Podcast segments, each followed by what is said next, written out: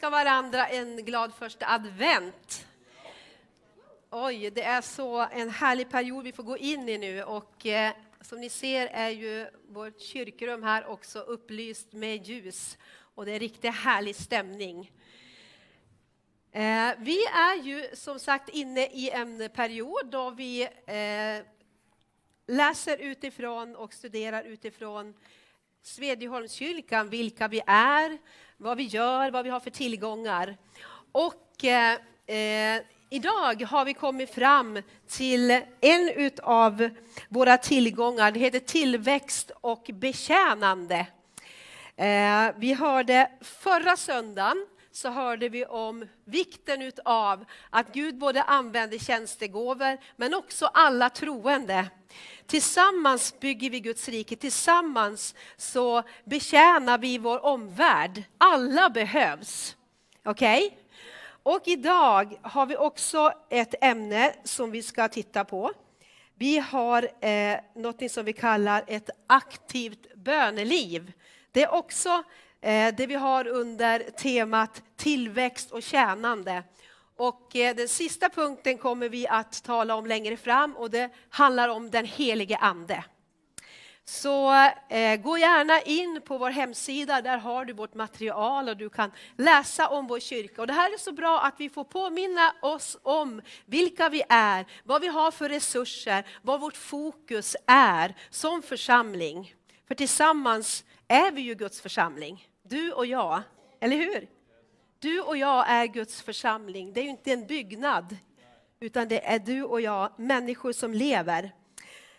Och idag har vi ju första advent och då ska vi ju förstås läsa adventstexten. Och vad kan det vara då? Ja, det är ju egentligen lite märkligt om man tänker att eh, när vi följer kyrkoåret så börjar vi ju idag ett nytt kyrkoår. Och då läser man bland annat ifrån Matteus 21 om hur Jesus rider in i Jerusalem. Och varför gör vi det? När det är ju egentligen eh, tiden då vi ska gå in och fira jul, då Jesus ska födas. Det är därför vi firar jul och advent är ju en väntan på att få komma in i julen. Vi, vi, vi talar om Jesu ankomst när vi pratar om advent. Men varför läser vi om att Jesus rider in i Jerusalem då? Det blir ju liksom kronologiskt lite fel, för det är ju egentligen påsk, eller hur? Ja, det är lite märkligt. Vi pratade om det här innan kyrkan idag. Men det är ju faktiskt så att adventen talar om Jesu gärningar. Jesus uppenbarar sig som kungen som rider in i Jerusalem, som rider in i våra hjärtan, som rider in och visar sin makt och visar sin ära och sin kraft. Eller hur? Han vinner seger över mörkret. Han går in i, sitt, eh, i sin destination för sitt liv. Och det är det vi firar, att Jesus rider in. Så låt oss läsa tillsammans ifrån Matteus kapitel 21, om du har din bibel med dig, annars så har vi texterna med här, så följ med.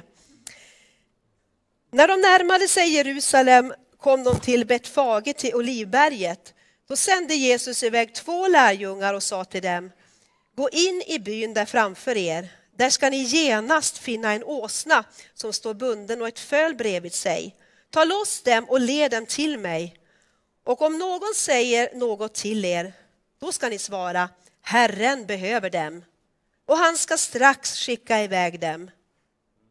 Detta hände för att det som var sagt genom profeten skulle uppfyllas. Säg till dottern Sion, se din kung kommer till dig ödmjuk, ridande på en åsna, på en arbetsåsnas föl. Och det här var någonting som Jesus citerade ifrån Sakarja 9 och 9.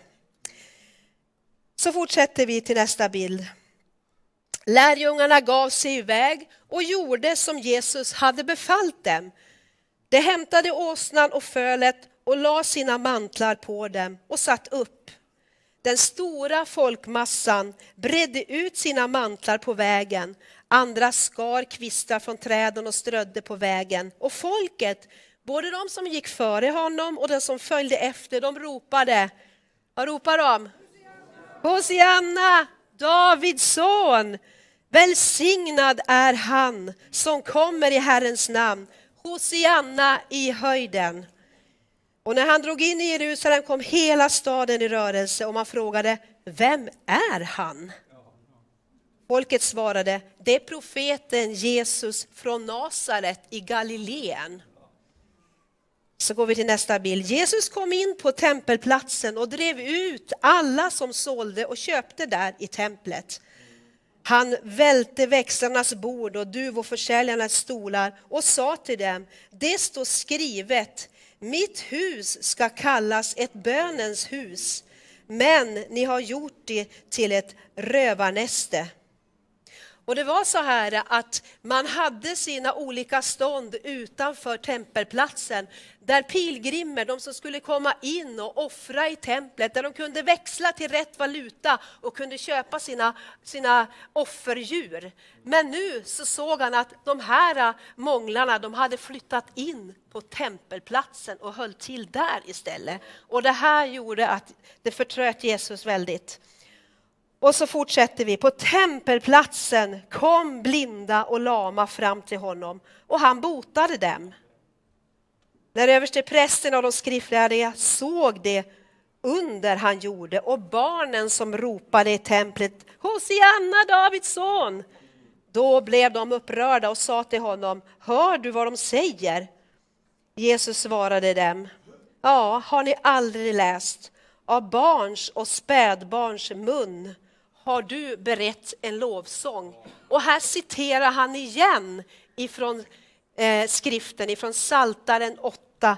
Av barns och spädbarns mun har du berett en makt för dina fienders skull, för att för, förgöra fienden och den hämndgirige. Så han citerade skriften.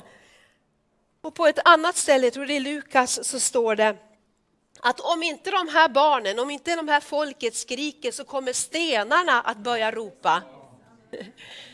Om inte ni ropar, om inte ni ber så kommer stenarna att börja ropa. Och är det inte så lite idag att vi har många röster som ropar och skriker idag åt olika håll. Och jag tror att Gud kallar in oss som folk att vara ett, bered, ett berett folk som ropar, som ber, som har ett aktivt böneliv. Som texten idag och som, som eh, vårt tema idag handlar om.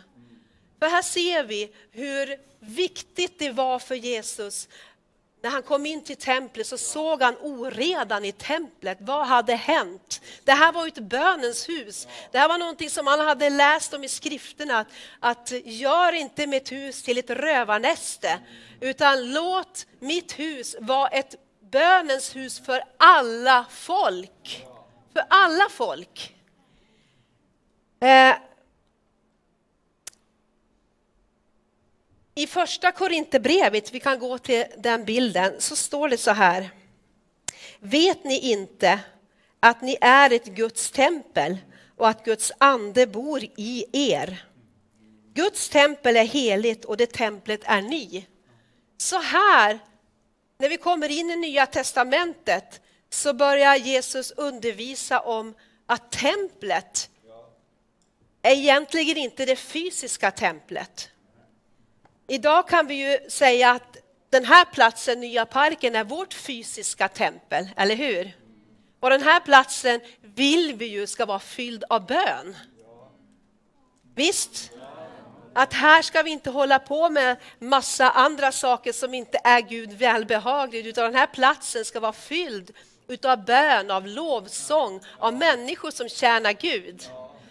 Och vi har ju också i våra drömmar, det vi bär på i våra hjärtan, att vi ska få bygga ett, ett bönetorn i det här nya huset som vi håller på och skissar på, som vi så småningom vill börja bygga när det är rätt tid. Där vill vi ha ett bönetorn där vi får vaka och be i bön. Och vi har ju också som kallelse i församlingen att, att be. Gud har lagt olika böneämnen på våra hjärtan. Vi ber varje morgon för till exempel Sebastian Staxet och Hart och hans organisation. Vi har något som heter King of Kings Conference som är en böne och ledarkonferens. Vi ber tillsammans nu till helgen som kommer med Hope for this nation. Och Gud lägger olika böneämnen på våra hjärtan där vi vill vara med och bära och se Guds rike komma fram. Det är något som brinner i våra hjärtan som församling. Men här så säger Jesus, eller det är Paulus som säger det, inte Jesus som säger det, det är Paulus som säger det, att våra tempel är, våra, våra kroppar är ett tempel där Guds härlighet ska bo.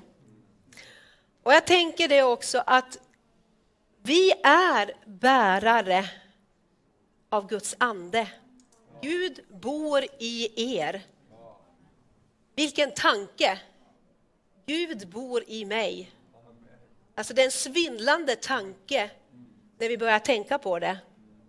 Det handlar inte i första hand om fysiska byggnader, det handlar om människor. Det handlar om dig och mig. Och när vi tar emot Jesus i våra hjärtan så kommer han in i oss. Guds ande kommer in i våra hjärtan. Och vi är bärare utav hans helighet. Vi är bärare utav hans närvaro i våra hjärtan. Och där vi går fram, där går Gud fram. Så det är därför som när alla lämnar här idag, tror ni att Gud är kvar här då? Ja, Gud är ju överallt. Men Gud går ju med dig och mig hem. Därför han bor i våra hjärtan. Vi är tempel, vi är bärare utav Gud själv i våra liv. Amen. Och jag tänker att eh, när vi nu talar om bön, när vi talar om att, att vi är kallade att också rensa våra tempel. Eller hur? Så att Guds härlighet kan komma. Vad hände när Jesus kom in där och bara slog omkull allt och bara rensade allt som bara störde, störde bönerna, störde rabbinernas undervisning. Han sparkade omkull det, här ska inte hålla på med sånt här. Och eh, vi behöver vaka över våra tempel. Därför det finns väldigt, väldigt mycket som fyller våra huvuden, som fyller vår, vår vardag med en hel massa grejer där vi totalt glömmer bort att vi är bärare utav Guds härlighet. Är det någon fler än jag? Och det här jag tänker att när vi har ett aktivt böneliv så händer det någonting med bedjaren själv. Det händer någonting, att vi får en medvetenhet om att Gud är med. Gud vill titta ut genom mina ögon. Han vill verka genom mina händer. Han vill gå med mig när jag går fram. Han vill förmedla någonting genom mitt liv. Och det är det här som vårt böneliv justerar saker i våra liv. Eh, och eh, jag tycker att det är ett fantastiskt exempel på hur betydelsefullt det är för Jesus med att templet ska vara en plats där Gud blir upphöjd. Eller hur?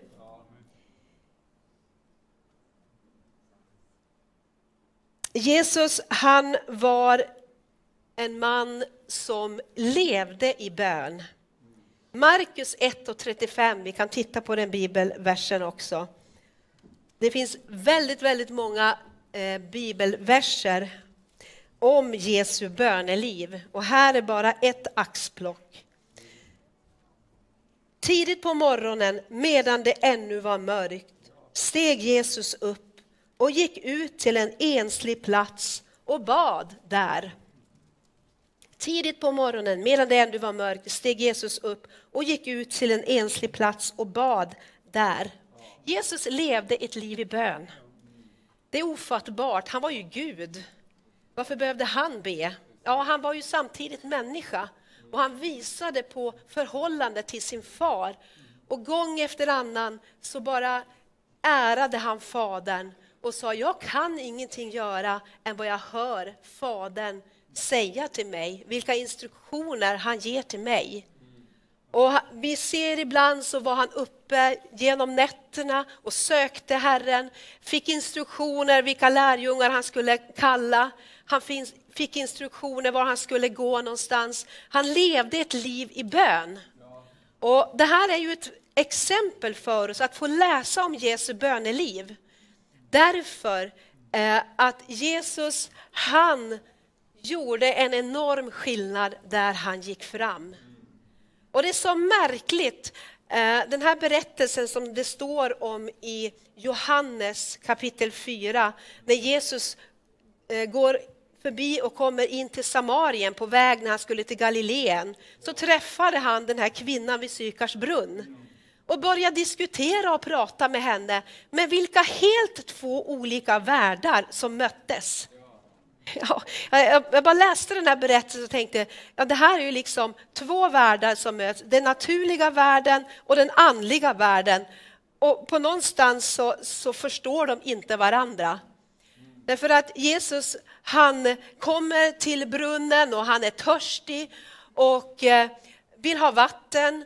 Och så, och så ger kvinnan hjälper honom för att få vatten och så säger Jesus att, eh, att eh, om du dricker av mitt vatten eh, så får du liksom liv, evigt liv. Ja, men vad har du för vatten? Vad, vad, det är, liksom, eh, är du för mera än han som eh, eh Abraham som gjorde den här brunnen? Hon tänkte hela tiden på det naturliga vattnet.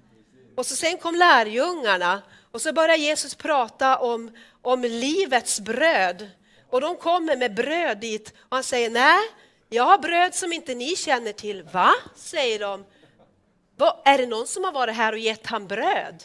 Nej, min vilja, det är, mitt bröd är att göra Guds vilja. Så det var någonting som bara, det bara liksom, han levde i sin värld, han levde i, den, i det andliga, han såg och hörde någonting annat i den naturliga världen. Och sen så fortsätter det här så börjar de prata om templet. Jesus svarade, tro mig kvinna, det kommer en tid när det varken är på det här berget eller i Jerusalem, alltså i templet som ni ska tillbe. Det kommer en tid, och den är redan här, när sanna tillbedjare ska tillbe Fadern i ande och sanning.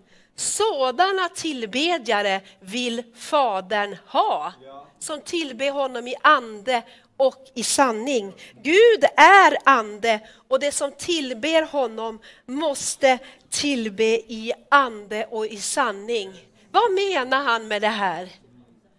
Jo, det är ju så att det är med vår ande som vi får kontakt med Gud. Det är inte den fysiska världen som vi får kontakt med Gud, utan det är genom vårt hjärta, genom vår ande som vi umgås med Gud. Och i sanning, vad är sanningen? Det är Guds ord. Och det står att Guds ord är ande och liv. Gud har utandat sitt ord och det är därför när vi läser Guds ord så kommer någonting in i vår ande. Vi blir berörda på insidan. Hans liv berör vår ande och vi får kontakt. Kontakt sker när vi eh, läser Guds ord, när vi ber i den helige Ande, när vi vänder våra hjärtan upp till Gud och söker Gud. Och hur, hur, hur vanligt är det inte att vi ständigt tänker, ja men vad har du för vatten då? Vad pratar du om för vatten? Det här är en brunn med vatten. Vad då det här brödet? Vi tänker bara naturligt. Men Gud vill få våra andliga sinnen att väckas till liv så att vi kan uppfatta vad anden talar, för det är då vi får kontakt med Gud. Och det är i den atmosfären som Gud vill att vi ska röra oss i. Och det är när vi tar Guds ord, när vi prioriterar Guds ord, läser Guds ord varje dag, när vi tar tid och har ett aktivt böneliv som vi talar om idag.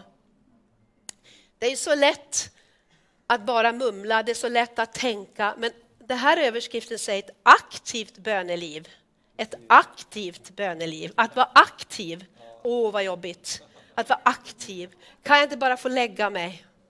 tänker på också när, när, när Jesus gick med sina lärjungar innan han skulle gå till Getsemane. Kom med mig och be, sa han. Kom med mig och be. Och lärjungarna följde efter och vad gjorde de? De la sig ner och sov. Och jag tycker det här är ett sånt exempel på hur det gärna kan bli när vi ska be. Inte bara för att vi är trötta, utan det finns ett andligt motstånd emot att vi ska be. Är det någon som har upplevt det någon gång? Jajamän. Och det måste vi vara medvetna om, att det finns ett, ett andligt motstånd emot att öppna Bibeln, att börja be, att börja be med sitt förstånd, börja be i den helige Ande. Men när vi gör det, oj! Ett nytt kapitel, våra ögon öppnas för någonting annat. Vi får en helt an, ett annat perspektiv i våra liv. Och det är där vi får kontakten med Gud och det är det som bönen handlar om. Det handlar inte om att vi ska be tillräckligt många ord, att vi ska böja knän, att vi ska ropa, att vi ska be den tiden på dygnet. Det handlar om att få kontakt med Gud. I våra hjärtan. I våra hjärtan kan vi få kontakt med Gud. Amen. I våra hjärtan. Halleluja. Tack Jesus. Att få rätt perspektiv. Och jag har sagt det och jag har nämnt det flera gånger förut, att vi blir aldrig färdiga på den här jorden. Vi kommer alltid att få kämpa emot köttet, vi kommer alltid att få kämpa emot alla röster som säger någonting helt annat. Nej, men ska du gå på bönen igen? Ska det löna sig? Ska det bära sig? Som man brukar säga. Ska det bära sig? Ska det löna sig? Ja, jag ska på bön. Jag ska på bön. Jag ska gå upp eh, en kvart tidigare idag och be en stund och söka Gud för den här dagen. Lämna dagen i Guds hand. Vet du, det blir ett annat perspektiv i livet när vi räknar med Gud. Det vi räknar med Gud, det handlar inte om din frälsning eller din rättfärdighet. Ja, men nu, nu har hon varit uppe en halvtimme. Ja, nu blir det en guldstjärna. Det är inte det det handlar om utan det handlar om att ha gemenskap med Gud, att vandra med Gud i vardagen, i vardagslivet. Och det finns ett fantastiskt eh, eh, bibeltext som jag tror vi alla känner igen oss i, ifrån Matteus kapitel 6. Låt oss gå dit och läsa detta fantastiska, vi ska inte läsa allt, vi ska av, av, korta av det. Men eh, vi ska läsa avslutningen på det, Matteus 6 och vi läser från vers 31 till 34. Jag bara kommer ihåg våran vän Harry Holti. Thomas vet vem han är.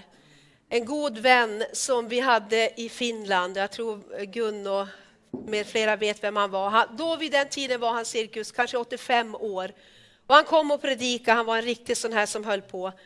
Och predikade ända tills han fick liksom lämna upp till himlen, över 100 år var han innan han dog och han spelade in sin CD-skiva och han var ute med Evangelie Herold eller vad han var ute och predikade. Och han kom och förkunnade för oss och så sa han så här att vet ni hörni, ni skulle tro att, att det är enkelt för mig, jag har vandrat länge med Gud, men varenda morgon så kommer fulingen och säger till mig, ska du ta den där bibeln igen? Är det inte bättre du läser Vasabladet? Är det någon som känner igen sig? Och här får vi bestämma oss och vi får göra rutiner i våra liv. För det är en kamp. Amen. Här står det, bekymra er därför inte och fråga inte vad ska vi äta eller vad ska vi dricka eller vad ska vi klä oss med? Allt detta söker hedningarna efter, men er himmelske far vet, han vet att ni behöver allt detta. Vad talar han om? Han talar om kläder, han talar om mat, han talar om de här vardagliga sakerna. Han vet att vi behöver alltihopa. Men hur lätt är det inte att vi fastnar på de här sakerna. Gud, jag behöver det. Och nu saknas det här. Och vad ska vi göra för mat imorgon? Ni vet, man kan vara uppfylld av en massa vardagliga saker och det är helt naturligt. Men det står att er himmelske far vet att ni behöver allt det här. Och så fortsätter han, nej, sök först Guds rike och hans rättfärdighet så skall ni få det andra också. Sök först Guds rike och hans rättfärdighet så ska ni få allt det andra också. Och så fortsätter det, bekymra er alltså inte för morgondagen. För morgondagen bär sitt eget bekymmer. Var dag har nog av sin egen plåga. Amen. Var dag har nog av sin egen plåga. Men det finns någonting i att vi så lätt bekymrar oss över vardagliga saker. Vi är människor. Men här har vi en lösning på oro. Det börjar ofta med bekymmer och sen övergår det till oro. Så kan det övergå till fruktan. Och vad är fruktans motsats? Ro. Eller hur? Utan tro är det omöjligt att nalkas Gud. Den som, den som, tror, den, som tro, den som kommer till honom måste tro att han är till och att han lönar den som söker honom. Amen. Vi behöver tro för att komma till Gud. Men när vi är fulla av bekymmer, oh, då känns Gud som att det känns som en vägg. Men Herren säger här, sök först Guds rike. Han vet att vi behöver det här vardagliga. Han vet att vi har behov. Och det finns någonting i att när vi söker Guds rike, när vi söker det som är där ovan, när vi söker det som är på Guds hjärta, så får vi rätt perspektiv i livet. Det finns någonting i vårt böneliv, det finns någonting när vi läser Guds ord som gör att vi får ett annat perspektiv i livet. Från att leva utifrån jag, mig och mitt, mina behov, vad jag ska göra, vad jag har tänkt. Vi börjar söka Gud, så öppnar vi oss för, för Herrens planer. Gud, vad vill du med mitt liv? Att söka Guds väg för mitt liv den här dagen. Varje dag har nog av sin plåga, står det. Vi behöver inte börja bekymra oss för massa hur vi ska få tag på julklappar, bla bla bla. Allt som bara just nu i december månad vill bekymra oss. Utan vi får söka Guds rike, hans rättfärdighet, så ska ni få allt det andra. Och det här händer när vi har ett aktivt böneliv. Ett aktivt bön. Vi behöver aktivt söka Gud. Vi behöver öppna vår mun och be. Vi behöver öppna vår bibel och läsa. Det är att vara aktiv. Amen. Och någonting bryts över våra liv, någonting händer i våra liv. Gud, du är med mig idag. Gud, jag vill gå med dig idag. Och säkert har ni märkt att, att är man inte aktiv så följer man med strömmen. Eller hur? Det går hur lätt som helst. Man följer strömmen bara. När vi slappnar av, när vi lägger undan Bibeln, så följer vi med strömmen. Men eh, jag tror vi ska vara som de här glada laxarna som leker och som börjar simma upp mot strömmen. Och gå, för vi behöver gå mot strömmen. Och det är därför som vi behöver vara aktiva. Och det betyder inte att vi behöver be hur länge som helst. Det betyder att vi behöver aktivt vända våra hjärtan till Gud. Vända oss till Gud. Amen. Amen. Och du har ditt sätt att möta Gud, jag har mitt sätt att, att möta Gud. Men vi behöver förvänta oss någonting gott ifrån honom. Tro på Gud, tro på löftena. Halleluja.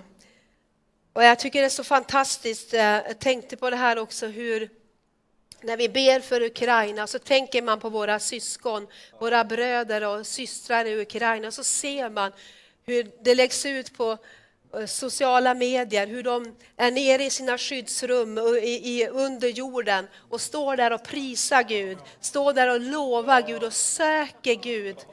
Alltså det är ett beslut om någonting, att välja att prisa Gud i alla omständigheter och hur de får bara styrkan utav Herren själv, utav varandra, att söka Gud.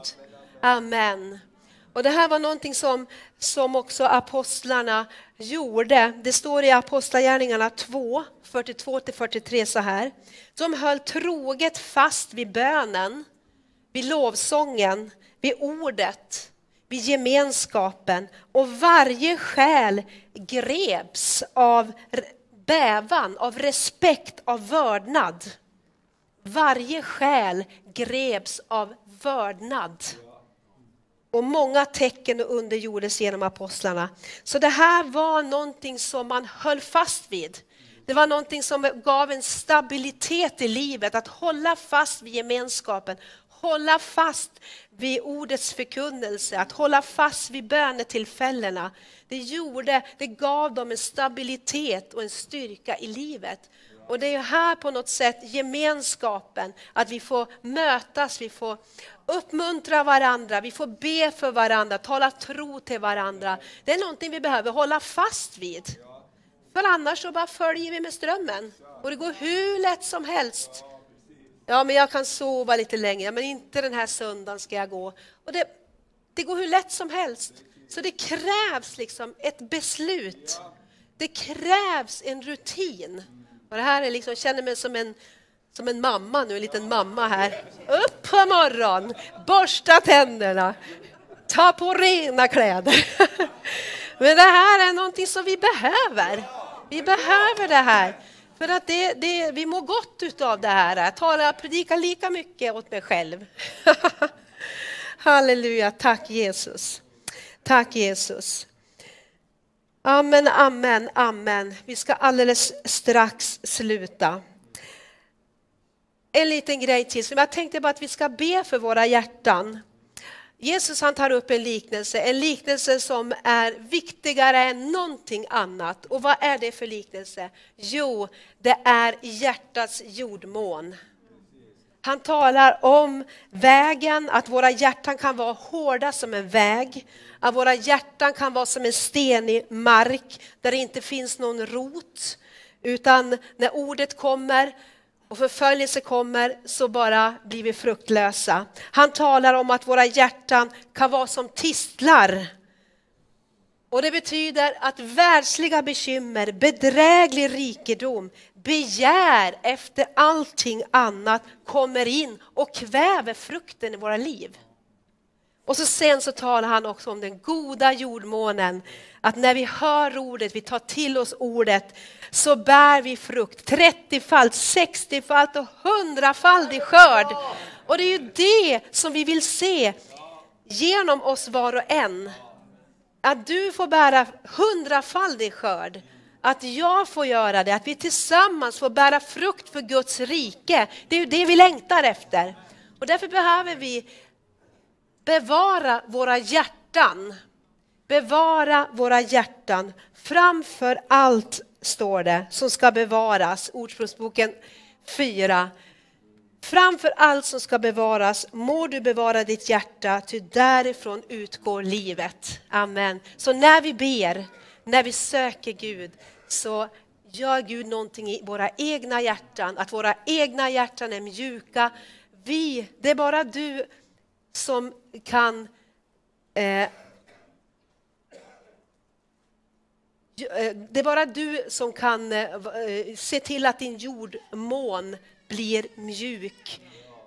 Det är bara du som kan göra det och det är bara jag som kan se över min hjärtas jordmån och kultivera och jobba med min, min, mitt hjärtas jordmån. Och det händer när vi tar tid med Herren. Så låt oss stå upp tillsammans så ska vi bara alldeles precis avsluta. Och så ska vi be för våra hjärtan. Om, ta gärna din hand på ditt hjärta så ber vi var och en över våra egna hjärtan, över våra egna, egna liv och att låta det här budskapet bara få utmana oss att eh, ta ett steg, att eh, bara kanske komma upp ur bekvämligheten om vi har, la, la, om vi har ramlat i det diket. Eller om vi har ramlat i diket av stress. Eller om vi har ramlat i diket utav oro. Det finns väldigt många diken man kan hamna i och jag tror vi alla hamnar i de här dikena. Men att vi var och en bara får be för våra egna liv just nu. För våra egna böneliv. Att Gud bara får röra vid våra hjärtan, våra egna hjärtan. Ja, herre, vi tackar dig att vi får bara komma inför dig den här stunden och vi får be för våra hjärtan. Vi får be, Herre, att du ska bevara våra hjärtan. Herre, jag tackar dig för att eh, du, Herre, bara söker kontakt. Herre, du vill att vi ska ropa Hosianna. Hosianna kom, Hosianna fräls. Vi kan börja spela. Hosianna, hjälp mig. Kom Gud, kom och fräls mig, kom och hjälp mig. Jag behöver dig, jag behöver dig, jag behöver dig. Jag behöver dig. Och du kanske är här första gången idag, eller du inte känner Jesus, så vill Jesus komma till ditt hjärta idag. Han vill flytta in i ditt hjärta så att du kan också få ropa Hosianna, kom Jesus till mig, kom till min situation. Jag vill lära känna dig. Så är du här idag så finns möjligheten för dig att ta det här första steget, att lämna ditt liv i Jesu händer. Han är här, han vill bli din Herre. Han vill bli den där personliga frälsaren som du kan ropa dig. Herre kom, Herre kom och fräls mig. Kom och hjälp mig. Så medan vi alla bara, bara stänger våra ögon så bara vill jag bara fråga dig här om du är här första gången idag och bara vill ta emot Jesus som din Herre, som din frälsare. Så bara räck upp din hand så ska vi bara be för dig här den här förmiddagen. Den här förmiddagen kan bli din förmiddag då du bara får lära känna Jesus, konungarnas konung som kom för att rädda, som kom för att frälsa, som kom för att befria dig och ge dig ett evigt liv. I Jesu namn, vi tackar dig Herre. Halleluja.